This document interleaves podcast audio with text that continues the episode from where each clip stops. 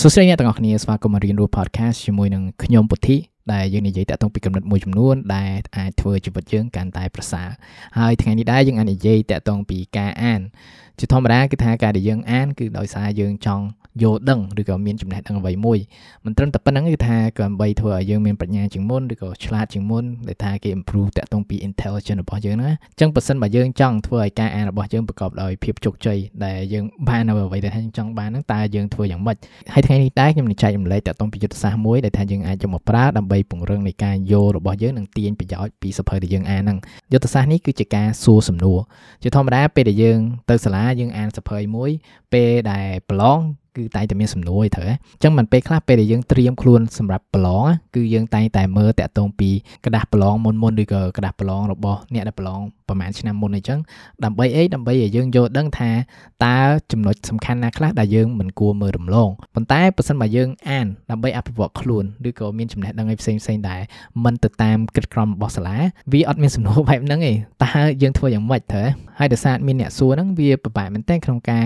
យើងកំណត់ថាតើព័ត៌មានណាដែលសំខាន់ដែលយើងគួរចាំឬក៏យើងគួរយល់ហ្នឹងអ្វីដែលថាយើងចាប់ផ្ដើមគួរធ្វើគឺចាប់ផ្ដើមបង្កើតសំណួរ មុននឹងអានសភៅមួយឬក៏ពេលដែលយើងកំពុងអានហ្នឹងព្រោះថាពេលដែលយើងមានសំណួរហ្នឹងគឺថាពេលដែលយើងអានយើងចាប់ផ្ដើមរកចម្លើយសំណួរហ្នឹងឯងហើយនោះគឺជាអ្វីមួយដែលមិនត្រឹមតែពង្រឹងតាក់ទងពីការយល់របស់យើងប៉ុន្តែវាក៏ឲ្យលក្ខណៈដូចជាការផ្ដោតអារម្មណ៍ concentration ហើយជាមួយនឹង attention តាក់ទងពីព័ត៌មានដែលសំខាន់សំខាន់ទាំងអស់ហ្នឹងអានេះឧទាហរណ៍បើសិនបើយើងដើរក្នុងសួនច្បារ5 10នាទីហើយពេលដែលយើងដើរចប់ចឹងទៅមានមនុស្សម្នាក់សួរយើងថា តើយើងដើរក្នុងសួនហ្នឹងយើងបានឃើញឆ្កែប្រហែលក្បាលយើងប្រកាសជាអត់ដឹងទេព្រោះថាដោយសារអីព្រោះថាយើងអត់ដឹងហហ្នឹងថាគេនឹងសួរអាហ្នឹងអញ្ចឹងយើងអត់ទាំងកត់សម្គាល់យើងឡើងមើលអីផ្សេងហើយជាពិសេសយើងមើលតាក់ទងពី detail ឬក៏វត្ថុមួយចំនួនដែលมันសំខាន់ដែលគេនឹងត្រូវសួរអញ្ចឹងបើសិនបើយើងដឹងសំណួរមុនគឺយើងប្រកាសជាដើរក្នុងសួនហ្នឹងឲ្យយើងឃើញឆ្កែមួយយើងរាប់ឯងរាប់រាប់រាប់រាប់ហើយយើងបានចម្លើយទៅនេះហើយគឺជា attention ដែលថាយើងចង់មានពេលដែលការអានពេលដែលយើងមានសំណួរមុនហ្នឹងអញ្ចឹងយើងចាប់ផ្ដើមបង្កើតសំណួរខ្លួនឯងប៉ុន្តែសំណួរគឺថាថាយើងបង្កើតសំណួរបែបណាតើសំណួរបែបណាដែលយើងគួរបង្កើតដើម្បីពង្រឹងនៃការយល់និងការស្រូបចំណេះដឹងហើយនឹងជាពិសេសគឺថាធ្វើឲ្យយើងចាប់ផ្ដើមវ័យឆ្លាតជាងមុនហ្នឹងប្រភេទសំណួរទី1ដែលថាយើងចាប់ផ្ដើមយកមកសួរខ្លួនឯងគឺតាក់ទងពីគោលដៅអាហ្នឹងវាជាសំណួរដែលសួរតាក់ទងពី intention របស់យើងគឺថាជាធម្មតាពេលដែលយើងទិញសភៅយើងទៅយើងត្រូវចូលហាងយើងឃើញសភៅណាស្អាតឬក៏ title ឬថាយើងរៀង feel connected ចឹងយើងយកមកអានទៅប៉ុន្តែចំពោះខ្ញុំពេលដែលខ្ញុំយកសភៅមួយមកអានខ្ញុំសួរខ្លួនឯងសិនហេតុអីបានខ្ញុំចង់អានសភៅហ្នឹងតើចំណុចអ្វីខ្លះដែលថាខ្ញុំចង់យល់ខ្ញុំចង់ដឹងតាក់ទងពីសភៅហ្នឹងហើយទាំងអស់ហ្នឹងគឺជាសំណួរដែលកំណត់នៃគោលដៅរបស់ខ្ញុំពីការអានហ្នឹងឯងអញ្ចឹងក្នុងការសរសេរសំណួរទាំងអស់ហ្នឹងអ្វីដែលថាខ្ញុំតែងធ្វើគឺថាខ្ញុំត្រូវអានតាក់ទងពី description ពីសភៅហ្នឹងសិនដូចឧទាហរណ៍ថាបើសិនបើខ្ញុំចូល Google អញ្ចឹងខ្ញុំ search សភៅហ្នឹងឬក៏នៅក្នុង Amazon អញ្ចឹងទៅពេលដែលខ្ញុំមុនទិញសភៅហ្នឹងអញ្ចឹងគេតែងតែមាន description ឯងគេនិយាយតាក់ទងពីសភៅហ្នឹងនិយាយពីអីឬក៏ ប្រវត្តិរូបរបស់អ្នកសរសេរអញ្ចឹងមកអញ្ចឹងការដែលខ្ញុំអានខ្ញុំចាប់ផ្ដើមមានការយល់ខ្លះហើយតាក់ទងពីអ្វីដែលគេនឹងសរសេរឡើងហើយមិនត្រឹមតែអានតែ description ទេខ្ញុំក៏មើលលក្ខណៈដូច review ដែរគឺថាខ្ញុំអាចអាន review ដូចថានៅក្នុង Goodreads អញ្ចឹងទៅនៅក្នុង Goodreads ហ្នឹងគេចាប់ផ្ដើមឲ្យដូចថាអូខេឲ្យផ្កាយប្រមាណហើយគេសរសេរខ្លះអ្នកដែលអត់ចូលចិត្តសភៅហ្នឹងហេតុអីបានគេចូលចិត្តអ្នកដែលចូលចិត្តហេតុអ្វីបានគេចូលចិត្តហើយគំនិតមួយចំនួនទៀតដែលថាយើងអាចធ្វើបានដើម្បីកសាងសំណួរគោលដៅហ្នឹងគឺថាយើងអាចអាន preface ឬក៏ introduction របស់អ្នកសរសេរដែលគាត់សរសេរដំបូងព្រោះថា introduction ហ្នឹងភាគច្រើនគឺថា contain តាក់ទងពី main idea ដែលអ្នកសរសេរហ្នឹងគាត់ចង់ convey ហើយយើងអាចចាប់ផ្ដើមអានតាក់ទងពី table of content បើបានយើងអាន chapter 1មួយទៀតក៏បានដែរការដែលយើងអានបែបហ្នឹងគឺថាយើងចាប់ផ្ដើមឃើញហើយតាក់ទងពីគំនិតទូទៅនៅសភៅហ្នឹងហើយតាមការយើងយល់ឃើញតាក់ទងពីគំនិតទូទៅទាំងអស់ហ្នឹងតើយើងមានចម្ងល់អីខ្លះតើយើងចង់ដឹងអីខ្លះ តើព័ត៌មានណាខ្លះថាអាចមានប្រយោជន៍សម្រាប់យើងអានេះដូចឧទាហរណ៍ថាផ្សិនបើសភៅដូចថា still like an artist ចឹងចុះគឺថាគាត់និយាយតាក់ទងធ្វើមិនដើម្បីយើងចេះលួចគំនិតរបស់សិល្បករផ្សេងផ្សេងហ្នឹងអញ្ចឹងពេលដែលខ្ញុំអាន cover ហើយខ្ញុំអាចអាន review មួយចំនួនណាខ្ញុំអាច គិតមើលថាតើហេតុអ្វីបានខ្ញុំគួរលួចពីអ្នកដតីហើយបើខ្ញុំចង់លួចហ្នឹងខ្ញុំលួចកំណត់គេបែបម៉េចហើយបើខ្ញុំលួចពីគេធ្វើម៉េចឲ្យលួចឲ្យបានល្អជាងនិយាយថាយើងចេះ site គេរបៀបម៉េចឬក៏ reference គេរបៀបម៉េចហើយបើខ្ញុំយកកំណត់របស់មនុស្សម្នាក់អាចមកកម្លៃឲ្យខ្លាយជាកំណត់ខ្ញុំតើខ្ញុំធ្វើបែបណាហើយតើយុទ្ធសាស្ត្រណាខ្លះថាខ្ញុំគួរមានដើម្បីធ្វើឲ្យខ្ញុំវា creative ជាងមុនឬក៏មានភាពច្នៃប្រឌិតជាងមុនហ្នឹងអញ្ចឹងយើងចាប់ផ្ដើមសរសេរមកហើយពេលដែលយើងអានហ្នឹងពេលដែលយើងឃើញចម្លើយយើងចាប់ផ្ដើមសរសេរចម្លើយហ្នឹងនៅក្រោមសំណួរហ្នឹងទៅអញ្ចឹងពេលដែលយើងអានចប់យើងអាចឆ្លើយនៅសំណួរទាំងអស់ហ្នឹងបានខ្លះអញ្ចឹងយើងចាប់ផ្ដើមមានហើយតាក់ទងពីគំនិតសំខាន់សំខាន់ដែលថាយើងចង់ដឹងពីសភៅហ្នឹង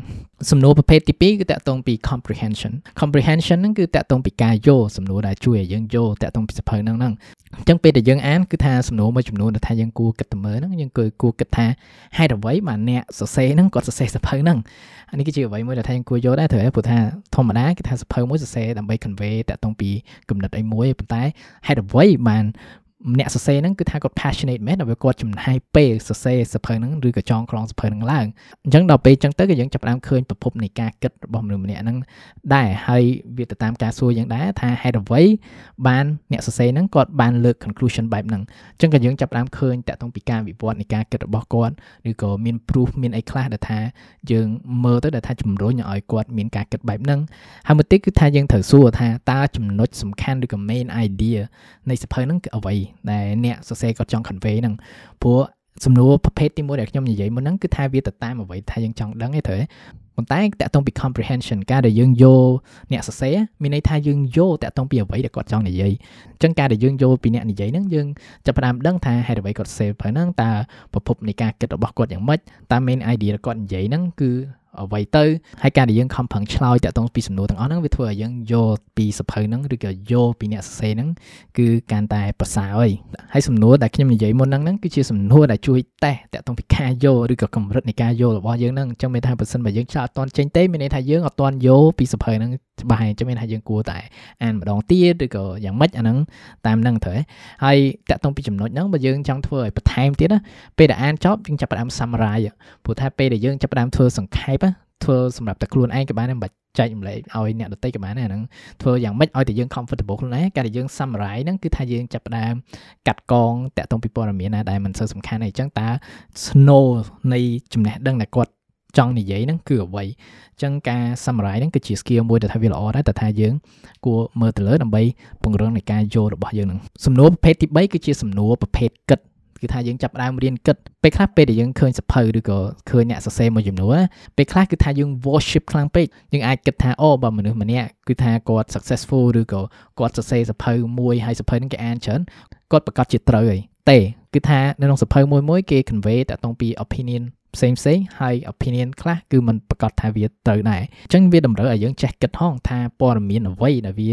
ល្អសម្រាប់យើងតើព័ត៌មានណាដែលវាមានប្រយោជន៍សម្រាប់យើងគឺมันប្រកាសថាសភៅទាំងអស់ប្រយោជន៍គឺស្មើស្មើគ្នាទេអញ្ចឹងពេលដែលយើងអានហើយយើងចាប់ផ្ដើមរៀនវែកញែកនិងវិនិច្ឆ័យតាក់ទងពីការយល់ឃើញរបស់យើងពីសភៅហ្នឹងអញ្ចឹងវាជាការបង្កើតមតិផ្ទាល់ខ្លួនតាក់ទងពីសភៅហ្នឹងហើយយើងចាប់ផ្ដើមសួរទៅឧទាហរណ៍ថាតើអ្វីទៅដែលថាខ្ញុំយល់ស្របពីអ្នកសរសេរនៅក្នុងសភៅហ្នឹង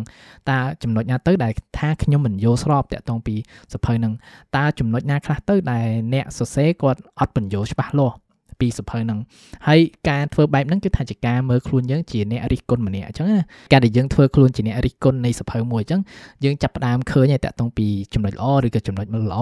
ហើយអ្វីទៅដែលថាយើងគួរ keep ឬក៏អ្វីមួយទៅដែលយើងមិនគួរយកមកដាក់ខ្លួនយើងអានេះដូចជា rule នៃការអានមួយរបស់ Warren Buffett អ្នកដែល investor មួយដែលល្បីគឺថាមួយថ្ងៃមួយថ្ងៃគឺថាគាត់អានច្រើនមែនតើហើយការដែលគាត់អានណាគឺថាគាត់ផ្ដោតទៅលើតែអ្វីដែរ ពិតទេគឺថាគាត់អត់អានតាក់ទងពីមតិឯងព្រោះថាមតិគឺអាចខុស បើអ្វីជាការពិតគឺវាជាការពិតវាមិនមែនជាមតិទេអញ្ចឹងវាជាអ្វីមួយដែលថាយើងគួរវែកញែកនិងថ្លឹងថ្លែងយើងគួរចេះវិនិច្ឆ័យតាក់ទងពីការគិតមនុស្សម្នាក់តើការគិតនឹងត្រូវអត់តើគេ provide proof គ្រប់គ្រាន់ក្នុងការ justify តាក់ទងពីចំណុចនឹងត្រឹមត្រូវអត់ហើយការដែលយើងចេះរៀនគិតណារៀនវិនិច្ឆ័យហ្នឹងក៏វាជំរុញនៃប្រាជ្ញារបស់យើងទូទៅដែរព្រោះថាការអានมันគួរតែការ copy paste information យកមកដាក់ខ្លួនយើងប៉ុន្តែការដែលយើងរៀនគិតហ្នឹងគឺវា ជំរុញនៃកម្រិតបញ្ញាយើងហ្នឹងអញ្ចឹងយើងចាប់ឲ្យរៀនវែកញែកនឹងឲ្យតម្លៃហើយតាក់ទងពីចំណុចហ្នឹងបើថាយើងចង់ធ្វើបន្ថែមទៀតណាមុនហ្នឹងយើង summarize ទៅបើយើងចង់ធ្វើបន្ថែមទៀតកន្លែងចំណុចហ្នឹងតាក់ទងពីសំណួរគិតហ្នឹងគឺថាពេលយើងអានចប់ហើយសរសេរ review មកយើង review សភៅហ្នឹងហើយយើងចាប់ដើមនិយាយមកថាកន្លែងណាដែលថាយើង agree កន្លែងណាដែលថាយើងអត់ agree ថៃបានយើងអត់ agree ហើយវាជាសភៅមួយដែលថាយើង recommend ឲ្យពីណាគេដែរឬក៏មិន recommend មិនដែរហើយហេតុអ្វីទៅហើយទាំងអស់ហ្នឹងវាជំរុញនៃការគិតរបស់យើងហ្នឹងហើយសំណួរប្រភេទទី4ដែលថាខ្ញុំយកមកប្រើហ្នឹងគឺសំណួរសួរថាបន្ទាប់ពីអានហើយមិនទៀតអាហ្នឹងដូចថា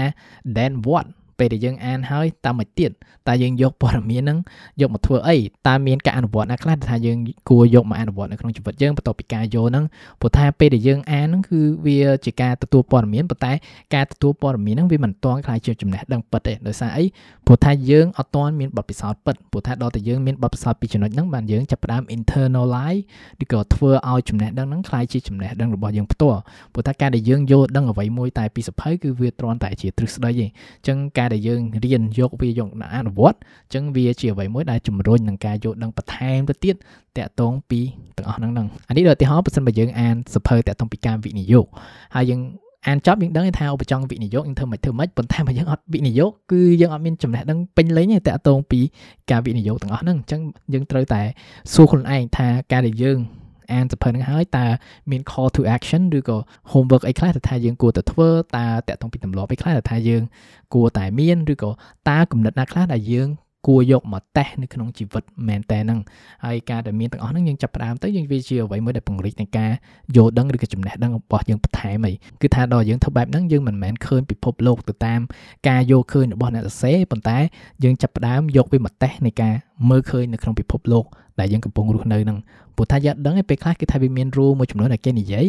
ប៉ុន្តែវាអត់ apply ទៅតាមពី reality ដែលថាយើងរស់នៅហ្នឹងប៉ុន្តែពេលដែលយើង apply ទៅយើងចាប់ផ្ដើម គិតបន្ថែមតើបើយើងចង់ evolve អា concept ឬក៏ formula នឹងបន្ថែមតើយើងធ្វើយ៉ាងម៉េចចឹងយើងចាប់ផ្ដើមបន្ថែមនៃការគិតខ្លួនឯងនិងការវិនិច្ឆ័យទៅតាមបទពិសោធន៍នៃជីវិតរបស់យើងផ្សេងៗហ្នឹងហើយតាក់ទងពីចំណុចហ្នឹងដែរក៏យើងអាចសួរខ្លួនឯងដែរគឺថា អូខេខ្ញុំអានអាហ្នឹងចប់ហើយតើបើខ្ញុំចង់ស្វែងយល់តាក់ទងពីចំណេះដឹងឬក៏គំនិតនឹងបន្ថែមឬក៏អ្វីដែលស្តៀងហ្នឹង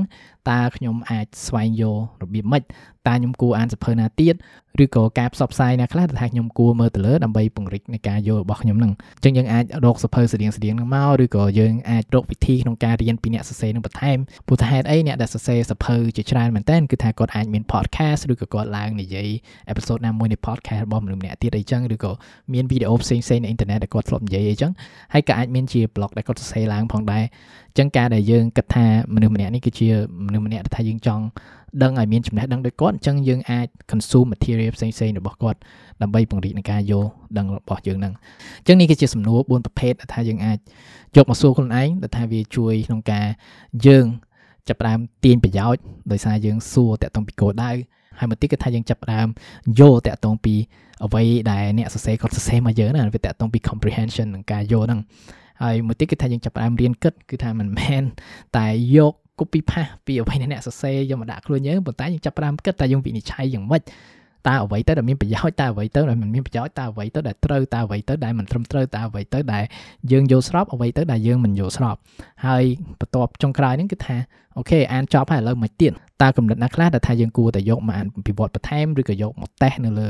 ជីវិតយើងផ្ទាល់តើបើយើងចង់ដឹងបន្ថែមតកតងពីកំណត់ហ្នឹងតើយើងធ្វើរបៀបម៉េចតើយើងស្រាវជ្រាវបន្ថែមយ៉ាងម៉េចហើយទាំងអស់ហ្នឹងគឺជាអ្វីមួយដែល អាចនឹងជួយអ្នក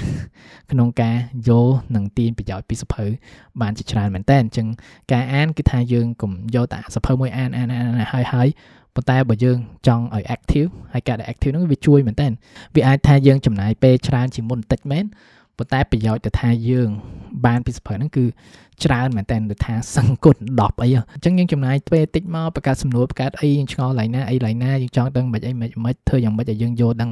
ឬក៏យល់ពីអ្នកសរសេរកាន់ភាសាដល់ហើយទៅសភៅមួយមួយវានឹងពង្រីក នៃការយល់ឃើញរបស់យើងហ្នឹងអញ្ចឹងអរគុណមែនតើក្នុងការស្ដាប់អេពីសូតនេះហើយប្រសិនបើរៀនរស់ podcast ជាអ្វីមួយដែលមានតម្លៃសម្រាប់អ្នកអ្នកអាច support podcast នេះក្នុង www.patreon.com/monipatili ហើយរាល់ការ support ទាំងអស់នេះគឺជាអ្វីមួយដែលជួយរៀនរស់ podcast ក្នុងការបន្តទៅមុខផងដែរអញ្ចឹងអរគុណមែនតើក្នុងការស្ដាប់ហើយចាំជួបគ្នាថ្ងៃក្រោយក្នុងអំឡុងពេលនេះអភិវឌ្ឍខ្លួនជានិច្ច